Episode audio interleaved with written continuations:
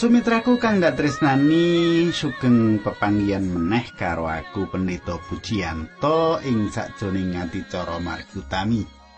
Aku kaya padatan bakal bebarengan karo panjenengan, panjenengan tak ajak sinau, tak ajak ngatekake nyemak apa kang didhawuhake Gusti. Lan uga sinau kawruh-kawruh kang ana ing sajroning kitab suci kita iki. Awit saka iki penting banget kanggo kita supaya mundak-mundak kawruh kita ana ing pemahaman babagan kitab suci kita iki. Awit saka kuwi monggo panjenengan nyerak karo aku ing kene sugeng midhangetake adicara iki.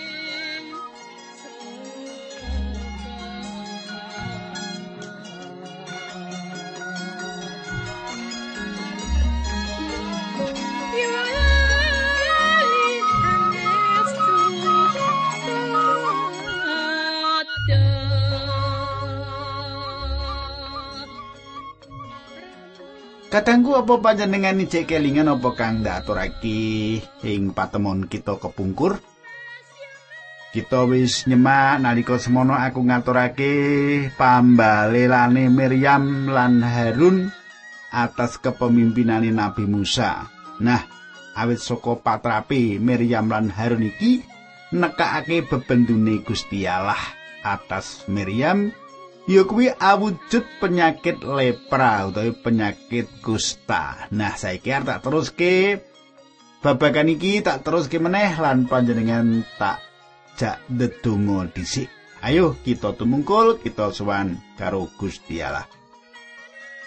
Duh Kanjeng Rama ing swarga kawula ngaturaken gunging panuwun menawi wekdal menika kawula saged tetunggilan kalian sederek-sederek kawula ingkang setya tuhu midhangetaken adicara menika.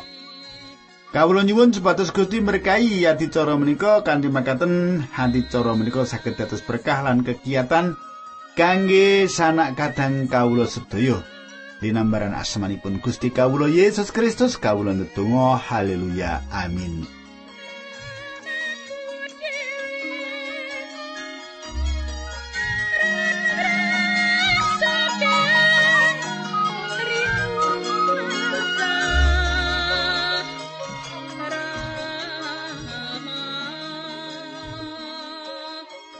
Kadangku panjenengan nek kelingan apa sing wis tak rembuk utawa tak jak rembukan, tak jak sinau nalika pepanggian kepungkur, pateman kepungkur, saiki kita wis ngancik pasal telulas ing kitab wilangan. Kita wis ngancik bab telulas ing kitab wilangan. Saiki coba panjenengan semak ya kuwi ayat siji, loro, telu ngantek limolas. Ya mengkono ya. Saiki tak wacake panjenengan coba gateke kanthi permati. Gusti Allah ngendika marang Musa, Saka ing antarane para pemimpin saben taler pilihan wong siji dadekno telik supaya niti tanah kenaan sing arep ndak paringake marang wong Israel. Saiki bab 13 ayat 3 nganti 15. Musa nindakake apa sing didhawuhake dening Allah mau banjur milih wong rolas kasebut ing ngisor iki mangkat saka ora samun paran. Taler penuntun. Taler Ruben ya kuwi Samua bin Sakur. Simeon ya kuwi Sapat bin Hori. Yehuda Kaleb bin Yefune, Isakar Yegal bin Yusuf Efraim, Hosea bin Nun, saka taler Benyamin, Palti bin Ratu, Sebolon, Gadiel bin Soti, suku Manase, Gadi bin Susi, dan dipilih Amil bin Gemali, Aser, Setur bin Mikael, Naftali, Nahbi bin Wopsi, Gad, Guel bin Maki. Katengku kang dak tresnani, sapa to sing duwe gagasan ngirim telik sandi iki? Sapa? Sapa sing duwe gagasan ngirim telik sandi iki? Apa iki saka penggali Allah? Ora. Ora saka penggali Allah. Ana ing andaran Torat siji ayat 20 nganti 22, handaran siji ayat 20 nganti 22. Mratelake yen bab telik iki ora saka kersane Allah. Iki mujudake satunggaling sisi utawa nunjukake nuduhake karinggian Israel. Jalaran apa? Jalaran kanthi kanthi ngirim telik sandi iki wong-wong Israel kuatir. Kuatir yen ora bisa ngrebut tanah kenaan. Kuatir ora bisa ngalahake mungsuh. Wong-wong mau ora percaya karo Allah. Yen Allah duwe kuwasa masrahake bangsa-bangsa kang dadi mungsuhe Israel iki marang dheweke. Mongko kadangku Gusti Allah wis pirsa kekayutan bangsa iku. Nalika Israel mlebu ing tanah kenaan ing kono isih ana wong-wong raseksa. nanging kabeh alangan bisa dirampungi. Ya toh Israel menang nglawan bangsa Kanaan. Iki contoh sing becik kanggo kita. Apa kita kanthi gembleng nggon kita percaya marang Allah? Golok gilik tenanan anggon kita percaya karo Allah iki ana wektune kita pancen ora bisa ngrampungi tantangan ngrampungi pambengan ngrampungi persoalan urip lan kaya-kaya ora ana dalan liya kejaba mertayake kabeh bot repot kita marang Allah sawutuhe. Iya ta? Kita kudu ngono wektune ana titi mangsane kita pancen ora bisa ngrapungi tatanan. Kita pasrahke kabeh iki marang Gusti Allah. Mengkono ya. Saiki coba tak wacake. Ayat pitulas nganti terusé. Nalika wong-wong mau dikon mangkat Musa weling mengkini mlaku ngalor menyang tanah kenaan sisih kidul. Banjur mlaku terus menyang tanah pegunungan. Titinen kaanane tanah kono pira cacahe rakyate lan sepira kekuatane. Tanah kuwi ala apa becik apa rakyate padha manggon ing padesan apa ing kutha-kutha sing diubengi beteng? Delengen bumine loh apa ora lan akeh wit-witane apa ora? Aja lali nggawa apa sing tuwa ana ing kono. Nalika semono lagi ungsum anggur. Wong rolas mau banjur budal lakune ngalor karo neliti tanah mau wiwit saka segara wedi sin sisih kidul terus nganti tekan kutha Rehob tekan dalan sing ngener menyang Hamat ayat 23 nganti 24 sing ditriti dhisik sisih kidul nyujuk kutha Hebron panggonane wong-wong Ahiman sesai lan Talmai anak turune bangsa sing disebut wong enak Kutha Hebron kuwi ditekake pitung taun sadurunge kutha Soan ing tanah Mesir. Banjur padha tekan tanah ngare eskol ana ing kono padha mancas pangiwit anggur saking abote pawong nganti kudu dipikul wong loro. Uga padha nggawa woh drima lan woh anjir kanggo oleh-oleh. Panggonan kono dijenengake lembah eskol merga ana kono padha mancas pangiwit anggur. Ayat selawe nganti pitulikur. Sawise nliti tanah kuno lawase patang puluh dina para telik mau banjur padha mulih lapor marang Musa, Harun lan bangsa Israel kabeh sing lagi padha leren ing Kades ing ora-ora samun paran. Para telik mau nyritakake apa sing padha disumurupi wawan sing padha digawa dituduhake marang bangsa Israel. Ayat 17 nganti 29. Kandhane marang Musa, kula sampun neliti tanah menika lan sumerep pilih sitinipun loh saestu lan menika wujudipun wawan ingkang saking ngrika nanging rakyat tanah ngriku rasa-rasa kitanipun ageng-ageng tur mawi benteng ingkang sentosa wonten ing ngrika kula inggih sami kepanggih kalian tiang-tiang kados buta tanah wau sisih kidul dipun nggeni tiang amalek ing paretin tiang het Yebus lan Amori celak seganten tengah lan sauruting lepen yaden dipun nggeni tiang kenaan. Katengku kang dak tresnani coba panjenengan gata iki apa sing ditulis ana kitab bilangan bab telulas iki. Tele iki sawise tekaning tanah kenaan wis nliti kabeh kahanane tanah kenaan banjur nritakake apa kang ditemoni? Apa kang saknyatane kang dumadi tanah kuwi kahanan tanah kuwi? Nanging nggone naksir kahanan ora bener. Ora bener ya iku ya saka penafsir sing salah iki banjur ana penganggep sing salah uga. Diaturake bab tanahe bener nanging ana penafsiran-penafsiran sing ora bener. Awit penafsiran sing ora bener iki ndadekke penganggep panari sing nampa, penganggep sing nampa iku salah uga. Saiki wilangan tulas saya telung puluh nanging kalep nentremake atine wong-wong sing padha cilik atine sarta matur marang Musa. Kita kedang luruk perang lan ngrebat negari menika samenika ugi mergi kegiatan kita mboten kawon kalian kegiatanipun bangsa-bangsa menika. Kadangku saka saperangan cilik iku padha ngajak gempur mungsuh. Dadi telik sandi iki ana seperangan sing ora nganggep mengkono. Saka kelompok sing paling gedhe cacahe duweni penemu supaya ora susah gepuk mungsuh kita kalah. Mungsuhe kuat banget. Aja. nah, Israel kabeh umume setuju karo panemune golongan sing akeh iki. Sing mayoritas wong-wong Israel ora duwe kuwanen ora duwe kekendelan kanggo bisa nelokake mungsuh. Kadangku ing kene aku matur karo panjenengan Israel ringkih imani. Ringkih imani marang Allah. Saiki ayat 31 nganti 32. Mangkene surasane. Nanging para telik liyane sing tekani bareng karo kalih padha muni, mboten. Kita mboten saged ngluruki perang. Mergi kawon kiat ketanding kalian bangsa-bangsa wau. Para telik wau ya padha nyebar kabar goroh ing ngalangane umat Israel bab tanah sing padha didelajah mau jari.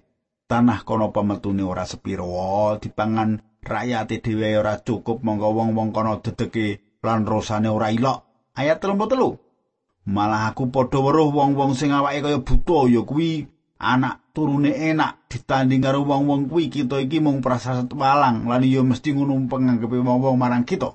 Kadangku cileran padha duweni ati cile, ati wedi alangane mungsuh bisa katon luwih gedhe, luwih kuat lan bisa dadi ngremehake kekuatane dhewe. Apa jalaran iki kabeh? Jalaran ninggalake Allah sakjroning ngadepi perkara. Iki dieling-eling kanggo panjenengan ya. Nek panjenengan lagi ngadepi perkara sing akeh, perkara sing gedhe aja lali karo Gusti Allah. Aja ninggalake Gusti Allah. Iki contoh sing apik kanggo panjenengan. Tak teruske. Kadangku ngremehake awake dhewe nganti dianggep kaya walang sing mungsu raksasa. Nah, iku kan kliru. Ngremehake awake dhewe. Nganti mungsuhe dianggep raksasa, awake dhewe dianggep walang iki ra ngringkehake to iki ngene iki. Nah, saiki tak teruske pasal 14. Nah, pasal 13 wis rampung, saiki ngancik pasal 14. Ayat siji loro telu. Ana wong-wong Israel sing sawengi dek padha nangis pating jlerit Padha ngrundeli Musa lan Harun tembunge rak luwe becik kita padha mati ing tanah Mesir utawa ing segara wedi kene. Apa perune Gusti Allah ngirit kita menyang tanah kenaan kuwi? Kita rak mung bakal mati ing peperangan lan anak bojo kita dadi tawanan. Ayo, kita padha bali wae menyang tanah Mesir. Kadangku. Kabeh nganggo alasan mikirake keluargane mikirake awake. Nanging nyatane orang kaya ngono. Malah sing baku alasan asmau dinudake kepriye anggone percaya marang Allah. Wilangan 14 ayat 4 nganti songo. Sing siji banjur kondo karo sijine ayo padha milih pemimpin lan bali menyang Mesir meneh Musa lan Harun banjur padha cengkeng ana ngarepe bangsa Israel, Yusua bin Nun lan Kaleb sing uga padha dadi telik mau padha nyuwek-nyuwek sandangane mertandani sedhi ing atine. Banjur kondo karo wong Israel kabeh tanah sing kita jelajahi kae ora ana sing madani api. Yen ana keparengi Allah panjenengane bakal ngirit kita mrono lan maringake tanah sing loh lan subur kuwi marang kita. Aja padha nglawan marang kersane Allah. Bangsa-bangsa kuwi bakal kita telokake kelawan gampang. Apa Allah ora mimpin kita? Lan panjenengane wis nelokake para dewa sing ngayomi bangsa-bangsa mau. Mulane aja wedi. Katengku Beda penafsire telik liyane lan Kaleb sarta Yosua. Yaiku Kaleb lan Yosua cara penafsire ora lali metung kekuatane lan kersane Allah ing tengah Israel. Nalika Israel ndeleng awake dhewe kaya dene walang lan mungsuh kaya raksasa. Ya ing wektu sing kaya ngono kuwi kita nyoto-nyoto merlokake Allah rawuh ing urip kita. Kaleb lan Yosua mantep atine yen Allah arep nganti Israel. lan Israel bakal menang nggone nglawan kenaan. Kataku, saya kita terus ke bilangan 14 ayat 10. Wong sing lumpuh ing kono ngancam arep benturi watu wong papat mau nganti mati. Dumadaan cahya kamulyane Allah ngetingal ing sak ndhuwure kemah suci. Ayat 11 nganti 14. Pangandikane Allah marang Musa, "Piro lawase bangsa iki nggone nglawan marang aku?"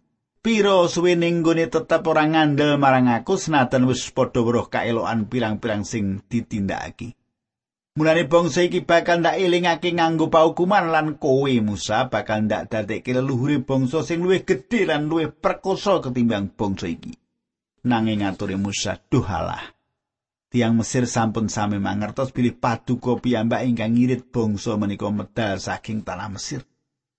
Lan trios menika sampun kondang ing ngatasi bangsa-bangsa ing mriki dados sampun sami mangertos bilih paduka nuntun bangsa menika. Ugi sampun sami mireng bilih paduka ngetinga kalian cetha menawi mega paduka kendeling sanginggilipun kula sedaya. Ing wanci siang paduka ngrumiyani lampah kawula sedaya ing salebeti mega sarta menawi dalu ing salebetipun tugu latu. Ayat 15 nganti 18. Menawi paduka nyirnakaken umat menika bangsa-bangsa ingkang sampun sami mireng bab pengas paduka sami badhe trios pilih paduka sampun mejahi umat menika ing ora samun. Mergi mboten saged ngirit umat menika mlebet ing negari ingkang sampun paduka janjiaken. Pramila, duh pangeran paduka kersa ngetingalaken panguas paduka dhateng para abdi paduka lan kersa nindakaken menapa ingkang sampun paduka janjiaken. Paduka sampun ngendika, Aku Allah ora gampang duka sih kasetyanku ndak paringake kelawan luber. aku ngapura marang wong sing nerak wawalarku lan ngelawan marang aku senajan mengkono paukuman tumrap kaluputane para bapak bakal ndak tibake marang anak putune turun ping telulan ping 4 ayat 19 nganti 20 Samenika doa Allah margi paduka ngasih umat menika lan setya dateng janji paduka. Kawula nyuwun kersa ngapunten dosanipun umat menika kados jeneng ngen paduka ngapunten piyambakipun wit sami medal saking tanah Mesir. Gusti Allah banjur ngendika, "Ya wis, aku bakal ngapura dosane umat iki kaya panyuwunmu." Ayat 21 nganti 23. Nanging aku janji nganggo dasar kesangku piyambak lan kaluhuranku sing ngebaki bumi. Wong iki kabeh siji wae ora ana sing lestari lan mlebu tanah sing wis ndak janjake marang para leluhure. Merga ora padha mbangun turut marang aku lan ora wis-wis nyoba marang aku. Mongko wis padha weruh kamulyanku. mongko wis padha weruh kamulyanku sing mlerengi lan kaelan-kaeloan sing ndak tindake ing tanah Mesir lan ing ora samun. Ayat 23 nganti selawi, wong-wong kuwi mesti ora bakal mlebu ing tanah perjanjian. Ing antarane wong-wong mau ora bakal ana sing napakake sikil ing tanah kono, kejaba abdiku Kaleb dhewe setya marang aku.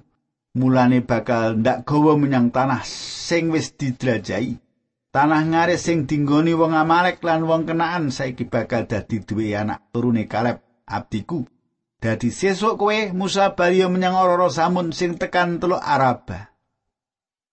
Kadangku Yosua lan Kaleb kapilih dening Allah saka antarane wong Israel sing bakal mimpin bangsa iki mlebu tanah perjanjian manut pangandikan iki mau. Tak teruski. Bab 14 ayat 29 nganti 34. Kowe bakal padha mati layonmu bakal pating gletak ana ing segara wedi kene kejaba Kaleb lan Yosua ora ana panunggalanmu sing umure 20 taun munggah bakal mlebu ing tanah sing wis ndak janjeke marang kowe Kowe padha ngucap yen anak-anakmu bakal dadi tawanan nanging bocah-bocah kuwi sing bakal ndak go mlebu ing tanah sing kok tampik mau lan tanah kuno bakal dadi duwe. Dene kowe bakal padha mati ing segara wedi kene. Anak-anakmu bakal nglemboro ing ora samun kene nganti patang puluh taun lawase. Mergo nggonmu ora setya, anak-anakmu bakal padha nandang sengsara nganti wong panunggalanmu sing pungkasan mati.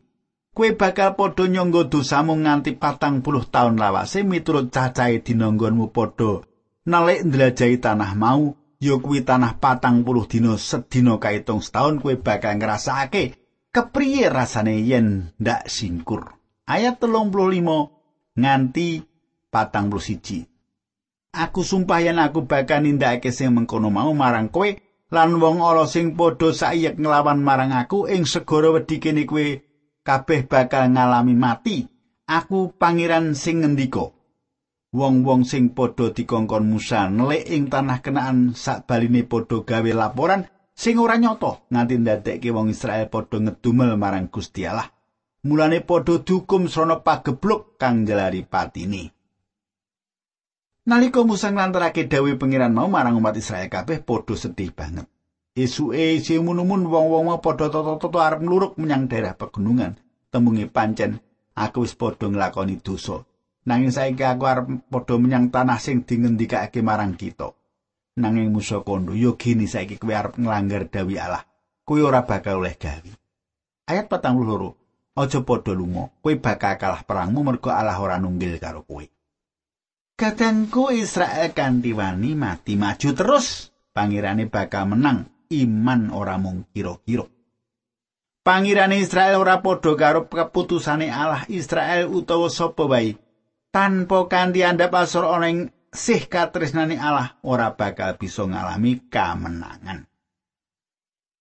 Katangku ayat patang puluh papat nganti patang puluh lima. Ewa semono wong. Wong Israel mau padha ora ngrewes.